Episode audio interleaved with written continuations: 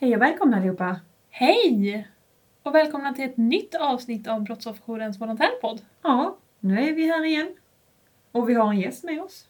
Denna gången också. Denna Och gången också. En person som jobbar på socialtjänsten. Precis, jobbar med, med utredningar av barn och unga.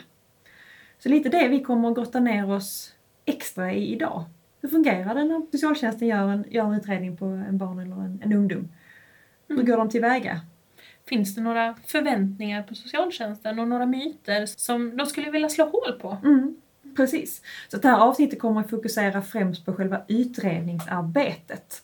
Eh, och inte så mycket på de insatserna sen som socialtjänsten kan, kan sätta in och använda, hur de eventuellt ser ut. Utan vi lägger fokus på utredningsskedet, vad händer i det? Vad har de för spelregler? Vad har de för lagrum att förhålla sig till? Vad har de för möjligheter och, och begränsningar? Spännande. Ja, det kommer bli jättespännande. Så jag tänker att vi bjuder in Madde här direkt. Det gör vi.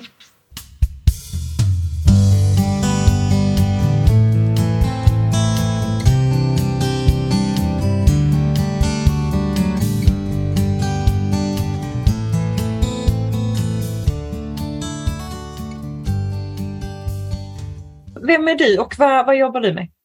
Jag heter Madeleine och är eh, 28 år. Jobbar som eh, socialsekreterare och utredare på barn och familjeenheten i Varbergs kommun. Har du jobbat där länge? Tre år ungefär. Så Mm. eh, ett år på familjerätt och sen två år med utredningar för barn och familj. Så det skiljer sig familjerätt och, och barn, och barn och unga? Ja, alltså det är väl ungefär, eh, man jobbar ju både med utredningar på familjerätten och eh, ja, men som utredare. Men det är eh, i eh, familjerätten är det familjerättsliga frågor om vårdnad, boende och umgänge som är liksom fokus. Och i de här andra barnavårdsutredningarna handlar det om mer risker och skydd för, för barn då. Så det ser lite olika ut även om det är familjer man jobbar med på båda ställena? Ja, precis. Det Mm. gör det. Jag tänker socialtjänsten, det finns ju mycket tyckande och tänkande kring socialtjänsten, men vad är, liksom, vad är socialtjänstens uppdrag? Vad är syftet med socialtjänsten? Man kan säga att det, det övergripande ansvaret som kommunen har är ju att hjälpa och stötta medborgarna. Och då bryter man ner det för olika kategorier kan man väl säga. Så att det finns hjälp för både som är till äldre, inom funktionsvariationer, barn och familj, våld i nära relation, boende, ekonomi. Eh, så att det är ju många saker som kommunen är ansvarig att, att hjälpa invånarna med om man har behov av det. Och då lyder socialtjänsten under socialnämnden. Eller det kan heta olika saker i olika kommuner, men Ja, den nämnden som har hand om de sociala frågorna.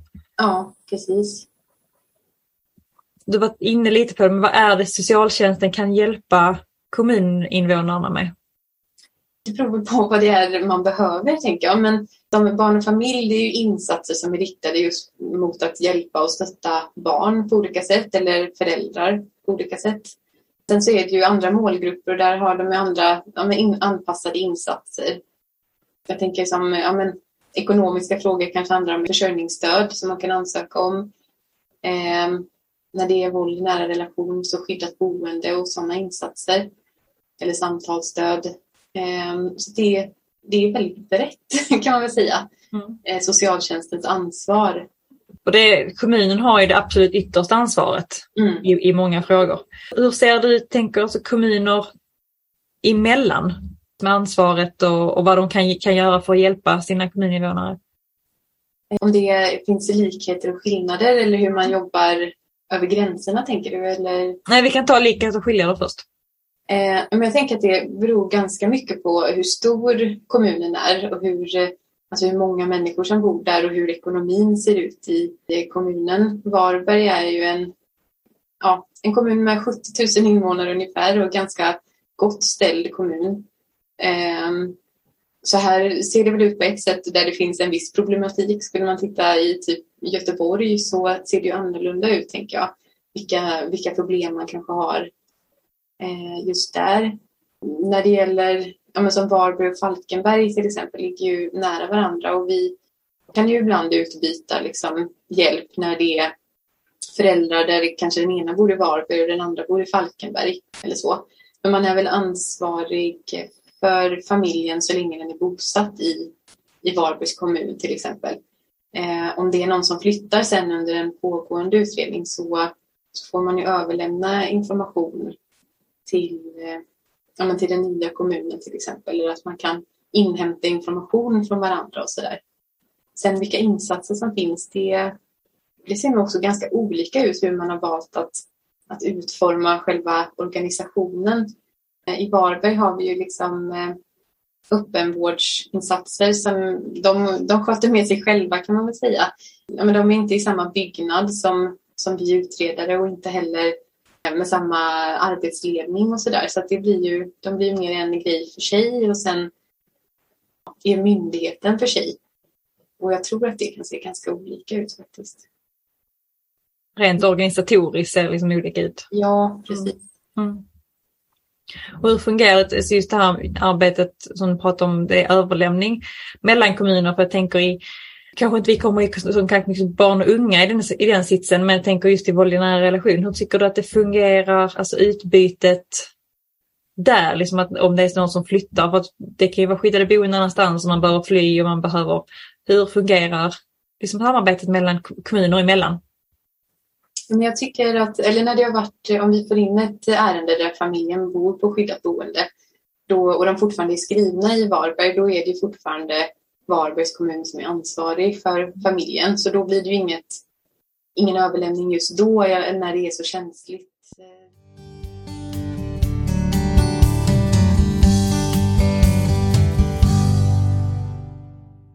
Jag tänker vi pratar lite om det här med just arbetet och du jobbar ju med med barn och familjer. Ja, precis. Jag tänker det avsnittet ska ju liksom handla lite om hur ert utredningsförfarande ser ut. Liksom, vad, vad är det ni gör? Just med tanke på att för vi kan göra orosanmälningar. Och vad är det som händer med dem och vad händer framöver? Hur ser det arbetet ut? Om vi, om vi börjar från början. Eh, när en orosanmälan kommer in till er, hur tas den emot? Ja, men då kommer eh, orosanmälan kan ju komma både från privatpersoner eller från professionella. Det kan ju vara ja, men brottsofferjouren eller skolan eller sjukvården eller någon som helt enkelt blir orolig för hur ett barn har det. Och då tar vårt mottag emot den och gör en första bedömning av, eh, av skyddet. Och det ska göras inom 24 timmar när eh, anmälan har kommit in. Och när det är gjort sen så träffar mottaget familjen för att höra vad de tänker eller vad, vad barnet tänker och eh, göra en, en bedömning om man ska öppna utredning eller, eh, eller om det inte behövs. Och i de fall där man beslutar att man ska öppna utredning eller inleda utredning så kommer det ju till mig och mina kollegor. Eh, och då när vi tar över så har ju vi information om det som står i anmälan och också samtalen med mottaget då då kallar vi också familjen och bokar in tider för att, att träffas och prata. Det är väl det som är grunden i själva utredningsförfarandet just med kontakten med familjen, att vi träffas och, och pratar. Både med, ja, med föräldrarna och med barnet såklart. Så att man erbjuder ja, men så många gånger som, som behövs. Helt enkelt. Och det är olika från, från barn till barn och från fall till fall. Eh, sen kan man hämta information från skolan. Ibland kanske det finns någon annan viktig kontakt inom sjukvården eller tandvården eller ja, vad det nu kan vara helt enkelt som, som man behöver veta. Och ehm, grunden är ju att man inhämtar samtycke då från, från vårdnadshavarna att, eh, att man får ta kontakt med en viss eh, myndighet till exempel eller så. Och i särskilda fall där, där vi inte får samtycke men det ändå finns en så pass stor oro att man behöver hämta in information utan samtycke så, så kan vi göra det också. Men då ska man ju ha gjort en bedömning av, av att det är så pass angeläget att man behöver göra det utan vårdnadshavarnas samtycke. Och all den informationen som, som vi får in sen ska ju landa i någon form av eh, bedömning och beslut. Och då det, det som är den vanligaste insatsen att, att avsluta en utredning med är öppenvård. Eh, och det är en frivillig, ja, frivillig insats eh, som ofta bygger på samtal där eh, familjebehandlare träffar föräldrarna och, och barnet eller ungdomen eh, för att jobba vidare med det som är svårt i familjen.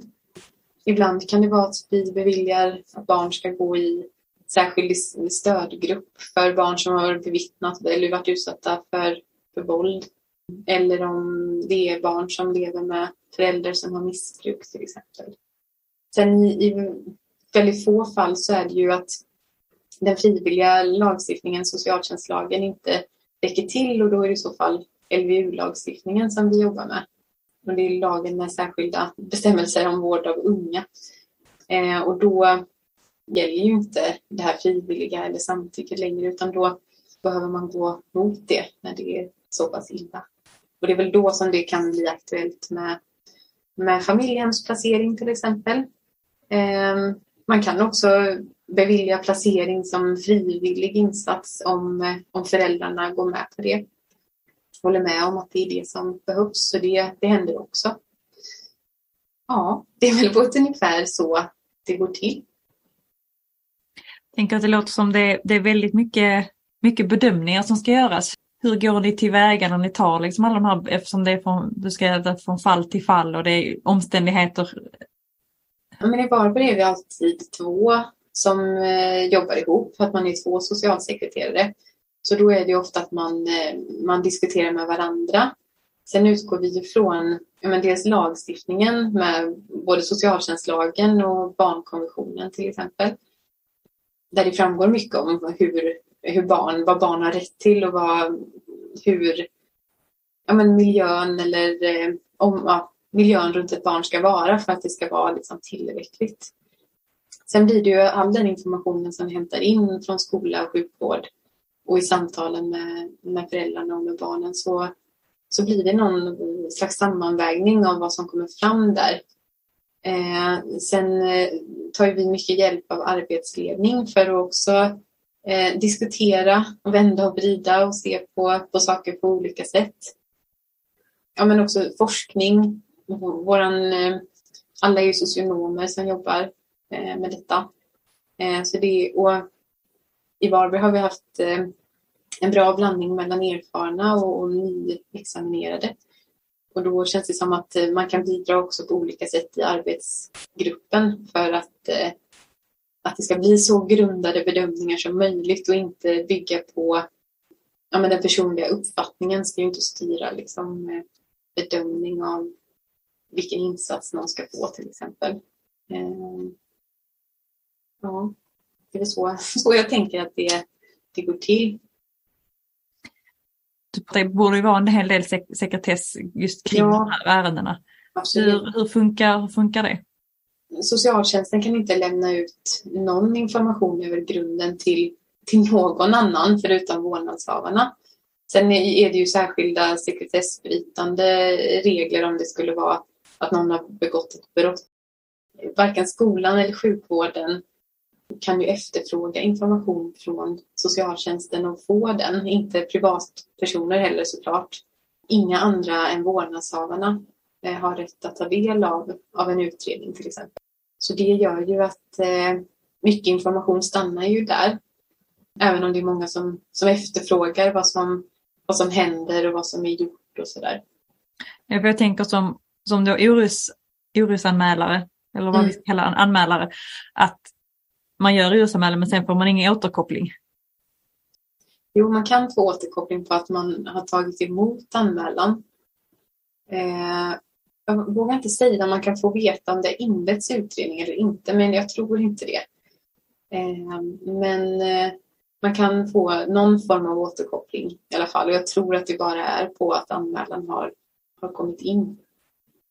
Så man får inte reda på så, vad, det är liksom att vi, vad som händer utan Nej. man får räkna med att nu har jag lämnat den oron och så tar ni hand om det. Ja, precis.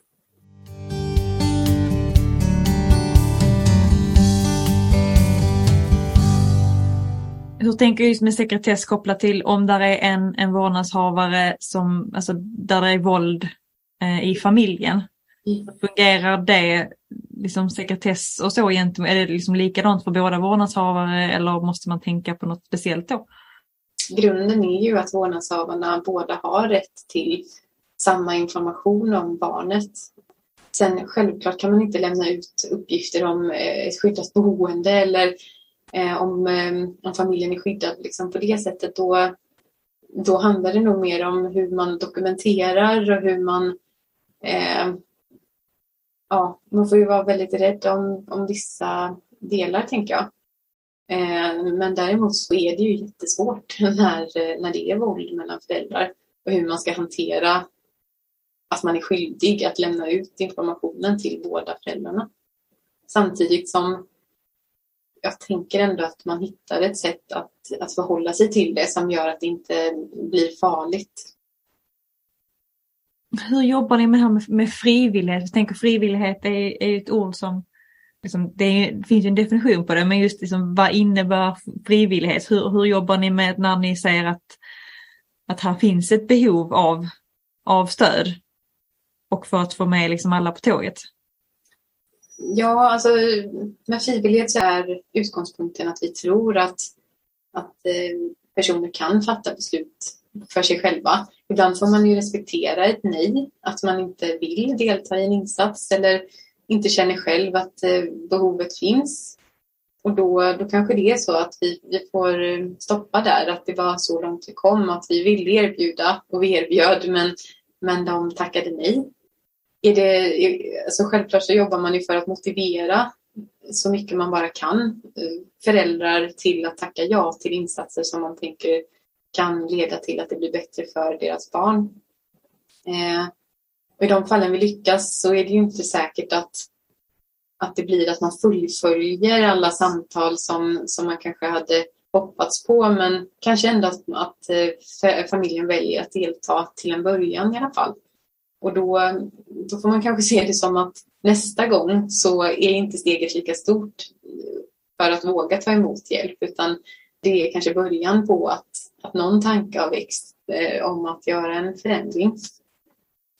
Finns det, finns, har det funnits tillfällen där jag tänker där frivilligheten inte finns men där det enligt lagstiftningen inte är tillräckligt allvarligt för att använda tvång?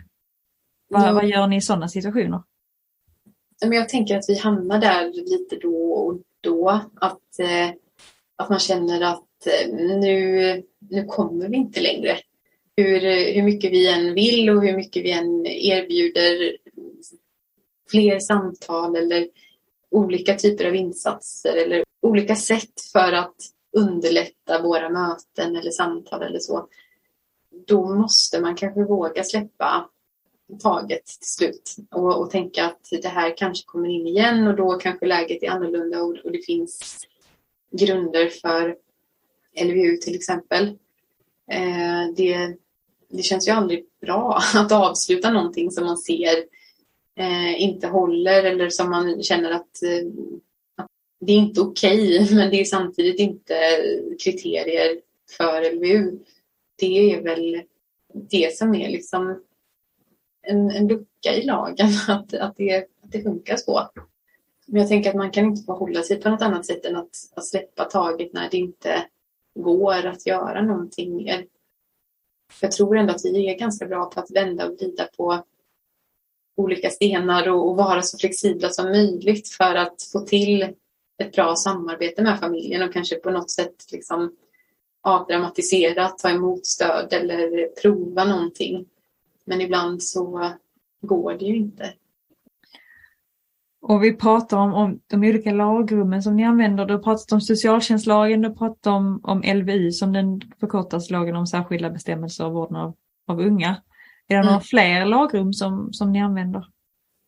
Eh, ja men barnkonventionen använder vi ju mycket. Det är väl det som är själva grunden i, i jobbet tänker jag att barns rätt till delaktighet och att de ska få komma till tals. Ehm, den har, det har ju bara stärkts de senaste åren, tänker jag. Att man har jobbat mycket med det. Hur har du märkt det i ditt arbete? Ja, men vi har ju haft många, ja, men ganska många temadagar med just barnkonventionen som fokus och också haft eh, föreläsningar om det, hur man ska tillämpa barnkonventionen i vårt arbete. Eh, och det har varit eh, ett av målen för, för åren att vi ska eh, i så stor utsträckning som möjligt erbjuda barn samtal Och det tänker jag att vi gör eh, i alla fall som, som går. Eh, sen finns det väl självklart undantag men att eh, i Varberg har, har det ändå blivit att grunden är att man, man pratar med alla barn. Sen kan det ju vara både tillsammans med skolan om de känner sig mer trygga tillsammans med lärare eller tillsammans med föräldrar och enskilt. Att vi är flexibla för att hitta sätt att prata med barn. Också på telefon, på videosamtal, olika typer liksom för att vi verkligen vill att de ska få information åtminstone. Sen är det ju som du sa, sekretesslagstiftningen styr ju också vårt arbete och förvaltningslagen hur, hur det ska handläggas. Och sen är det ju till sist politiska beslut. Om det handlar om LVU så är det ju politiker som, som fattar beslut och socialsekreterare som, eh, som lägger liksom förslag och så blir det ju sen upp till politiker att, eh, att bestämma. Så att det, det är ganska mycket som styr en socialsekreterares jobb vi har ju delegation till viss del men sen är det ju alltså, större beslut än att bevilja insatser behöver antingen arbetsledare eller enhetschef fatta. Och, och steget över det är ju politikerna då.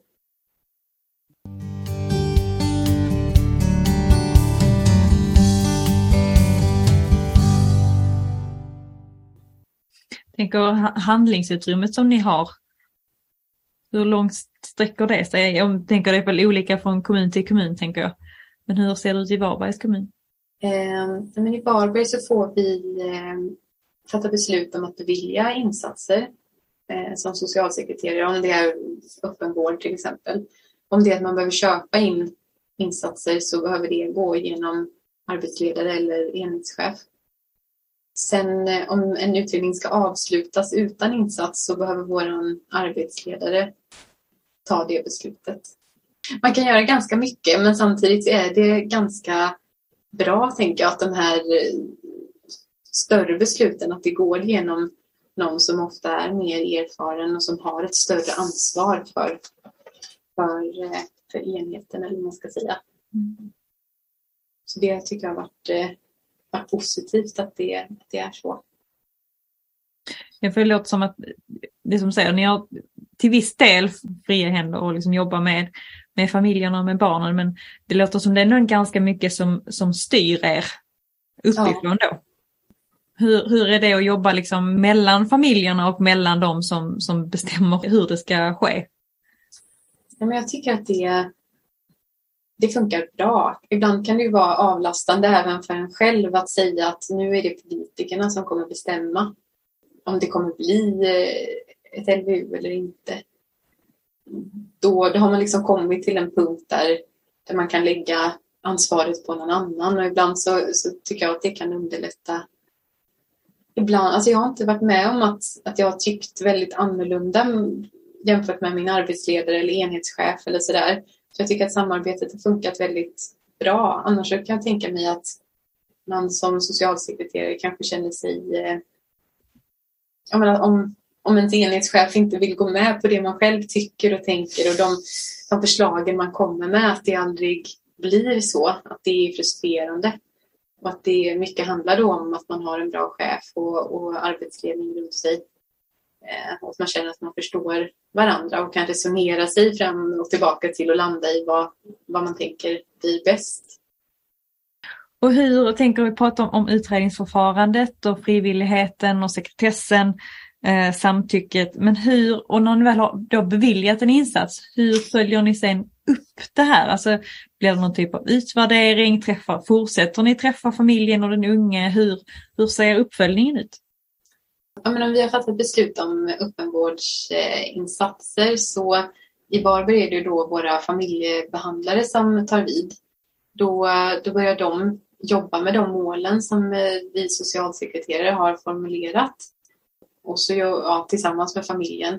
Eh, så eh, jobbar de på ganska så snabbt efter uppstart så eh, har vi en uppföljning för att, att stämma av att insatsen har kommit igång och att eh, det känns som att, ja, att målen är det som, som faktiskt är det som familjen och, och som socialsekreteraren tänker att man ska arbeta med.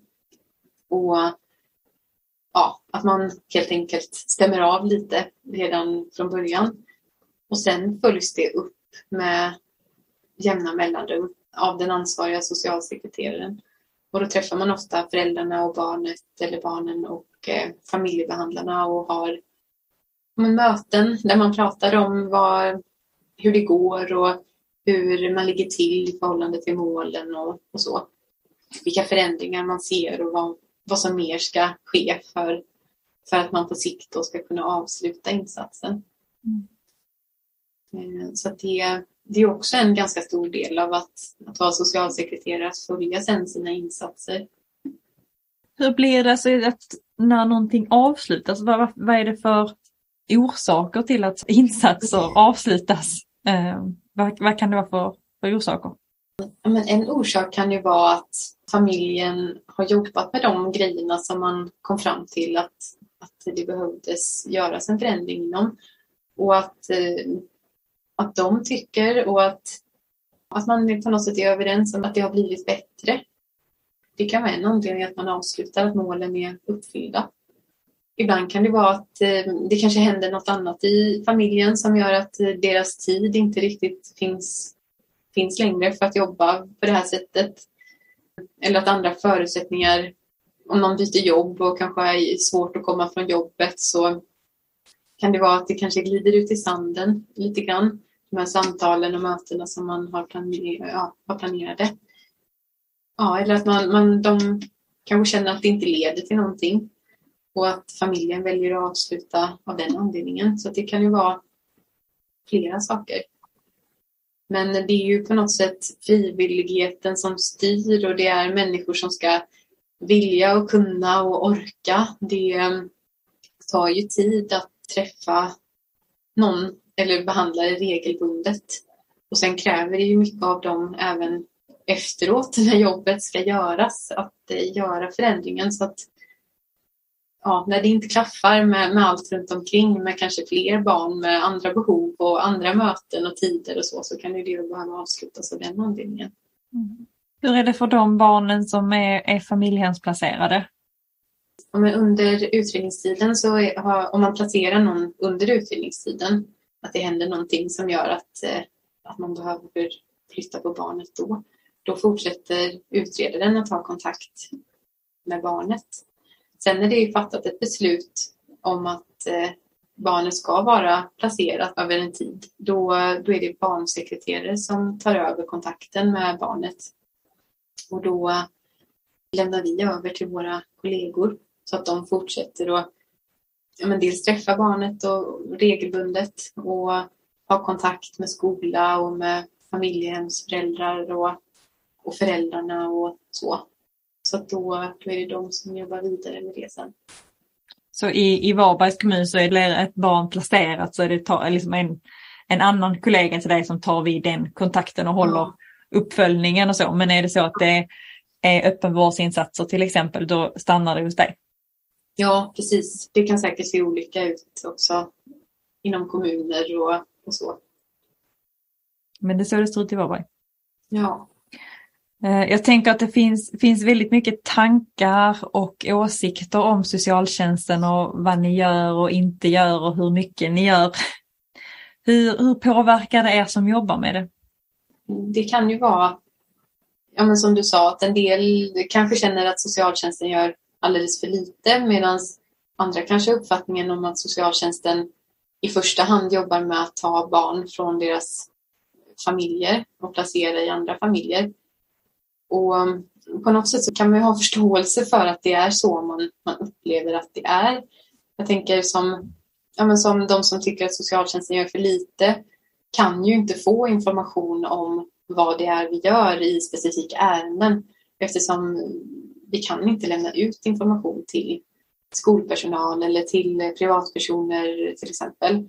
Och då kan man ju ha känslan av att vi inte gör någonting för att man inte vet och att det handlar om det. Att hade man fått mer information eller så kanske man hade känt sig tryggare i att vi jobbar och gör någonting för att det ska ske en förändring. I många fall så försöker vi ju prata med familjen och få samtycke till att lämna information till skolan till exempel för att de ska veta vad som är på gång och hur vi jobbar och så. Och även ha gemensamma möten med föräldrar och skola till exempel. Ehm, och i de då blir det ett samarbete som, som jag tycker funkar bra i många fall.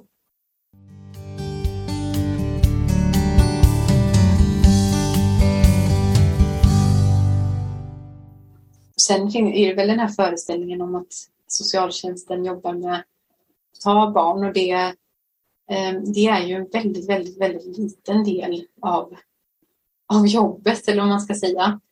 Ehm, och det är ju också väl grundade beslut som till sist hamnar hos politiker att, att besluta. Och det, ja, det är ju som sagt en väldigt liten del. Och jag tror att för de flesta kommer det inte bara som en överraskning utan skulle det vara så så är det ju något man har pratat om. Att det finns eh, allvarliga risker och, och, brister och att man har jobbat med frivilligheten eh, eller med frivilliga insatser under en längre tid eller ja, eh, att man har testat allt, allt, allt innan, innan det blir så i de flesta fall. Och är det några, några sådana myter som du har hört som, som du skulle vilja, liksom, ja, men de, de vill jag bara slå hål på? Ja, men det var, är väl just det här att man, att man har en eh, föreställning av att socialtjänsten eh, vill illa på något sätt. Det är väl också att man kan, man kan förstå att det kan kännas så när vi, vi lägger oss i när människor inte ber om det själva. Och det är ju en väldigt svår situation. Eh, och också att, att vi ställer krav på föräldrar att agera för att skydda sina barn. Eh, och det, ibland är ju det väldigt svårt att, eh, att vara förälder i det läget. Det är omöjligt att säga att man kanske förstår exakt hur, hur man upplever det som, som förälder, att bli så ifrågasatt som jag tänker att man kan känna sig ibland när det kommer in information från skolan eller från någonstans där någon har oro för ens barn. Bara det är ju skrämmande för många. Att vårt huvudsakliga syfte är ju att hjälpa och erbjuda stöd. Men sen också att man kan ju vända sig till oss själv också när man känner att man har behov av det och få, få stöd och hjälp det går ju lika bra att göra en ansökan. Den behandlas ju på samma sätt som en orosanmälan så tar man lika stort allvar på när en förälder ansöker om stöd. Och eh, kanske att det, ja, det, det bästa vore att fler vågade ansöka och att det blev liksom mer så att man, man gör det när man känner att man har behov av, av hjälp. Hur, hur ser det ut? Alltså, antalet ansökningar kontra anmälningar, var, var brukar det oftast börja? I en ansökan eller i anmälan? I anmälan är det oftast.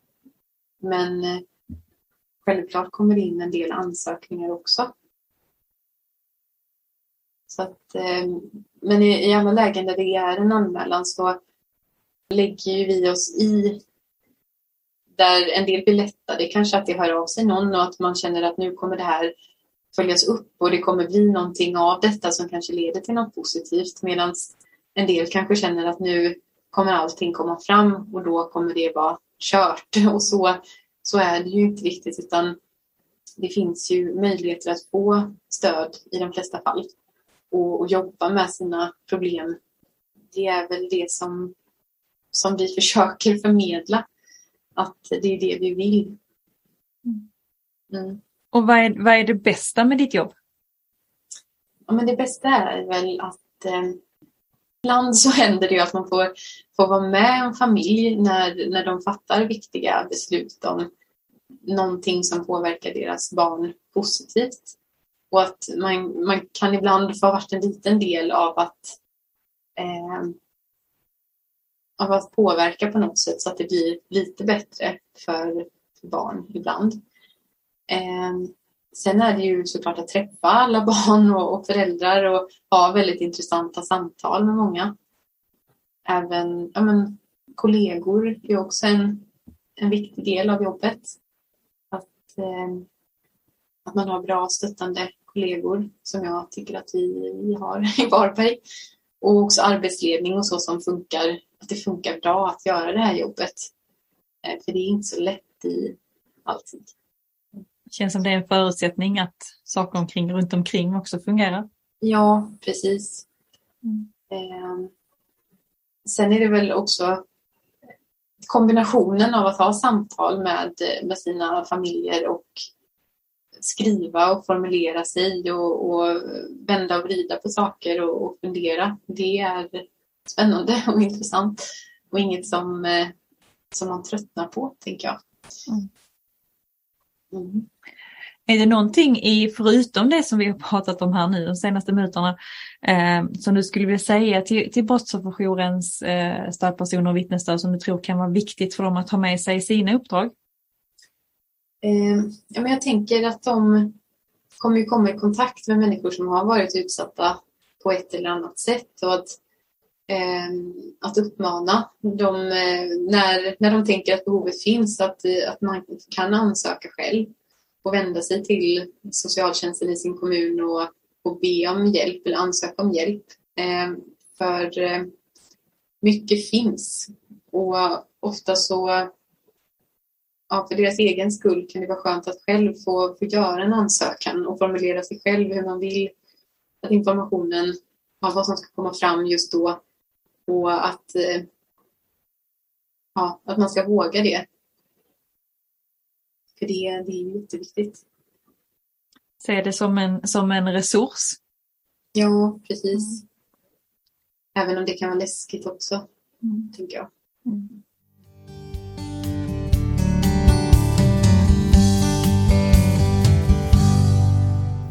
Då tackar vi Madde. Det gör vi verkligen. Vilket fint program. Det är, det är inte så många som får en sån här inblick i socialtjänstens arbete. Nej, Och vi har lärt oss så mycket då, tänker jag.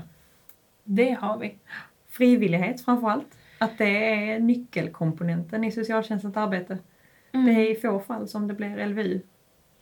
Eh, Utan fri, fri, frivillighet så, så kan inte socialtjänsten göra mycket. Precis. Det är någonting som jag tar med mig. Mm. Att, att frivilligheten, den är, det är A och O. Det är kanske därför också många gånger som vi tänker att socialtjänsten gör, gör för lite. Men de jobbar som, som djur för att få till frivillighet som inte går att få till. Och, då, och räcker inte tvångslagstiftningen till, då blir det ju så. Men vi har också fått lära oss att, att kommunen, att det är olika avdelningar in, att socialtjänsten oftast ligger under en nämnd och att det då är olika avdelningar. Det finns barn och unga, eh, boende, äldre, funktionsvariation, våld i nära, ekonomi. Mm. Och det här är då liksom den avdelningen som, som utreder barn och unga Precis. och deras levnadsförhållanden. Mm. Och vad vi kunde se där i, i processen så, så börjar ju ofta en utredning med att en orosanmälan kommer in Ja. till socialtjänsten. Mm. Och den kan ju kom- komma in på olika sätt. Antingen kan en privatperson skriva en orosanmälan. kan ju vara eh, någon anhörig eller granne eller Mm. ja, vem som helst egentligen. Men det kan ju också komma ifrån andra professionella Mm. som skolan, polisen, Brottsofferjouren. brottsofferjouren, Mm. tandvården, ja you name it liksom. Eh, och det som händer då det är att det tas en första skyddsbedömning Mm.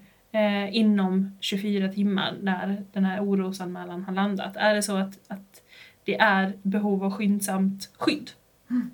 Exakt, det ska vi ta med oss. Att Mm. det görs alltid en, en omedelbar bedömning på det. Mm. Innan då man träffar familjen och säger om det ska öppnas utredning eller inte. Så det kan vi ha med oss, att det görs en snabb bedömning just kopplat till hot och, hot och skydd. Mm, precis. För det är ju sen i nästa skede som, som det första samtalet eh, bokas in och då med mottaget på, Mm. på socialtjänsten. Precis. Som då bedömer om det ska göra, öppnas en utredning eller inte. Mm. Och öppnas då en utredning så, så är det ju personer som, som Madde som, som utreder och då ser det ju olika ut. Jag tänker det kan vi också ha med oss att, att det kan vara så att det är flera samtal, det kan vara så att det är mindre antal samtal, olika konstellationer, föräldrar, bara barn, föräldrar och barn. Att det ser, ser olika ut helt enkelt hur, hur utredningarna görs. Mm. Och i utredningen kan ju också olika information samlas in. Mm. ifrån från skola eller andra delar av sjukvården. Eller, ja. Ja men precis. Och att föräldrarna, föräldrarna har ju oftast, de måste ge, ofta ge samtycke. Mm. Och det kan vi liksom ha med oss när det gäller våld i nära och så att det, det kan ju vara lite, bli lite problematiskt ibland.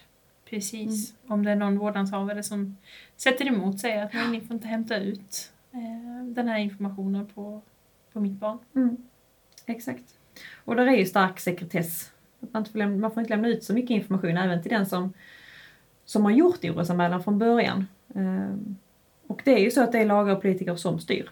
Mm. Så att det ska vi också vara med, med, medvetna om. Att socialtjänsten, att där är ganska hårda ramar och begränsningar i deras arbete. Och ibland är det beslut som inte är socialtjänsten själva tar utan det är politikerna som tar dem. Mm. Så det ska vi också ha med oss. Precis, även om socialtjänsten vill sätta in en insats så är det inte säkert att lagarna och politikerna håller med. Exakt. Eh, Och att se dem liksom som en, som en resurs.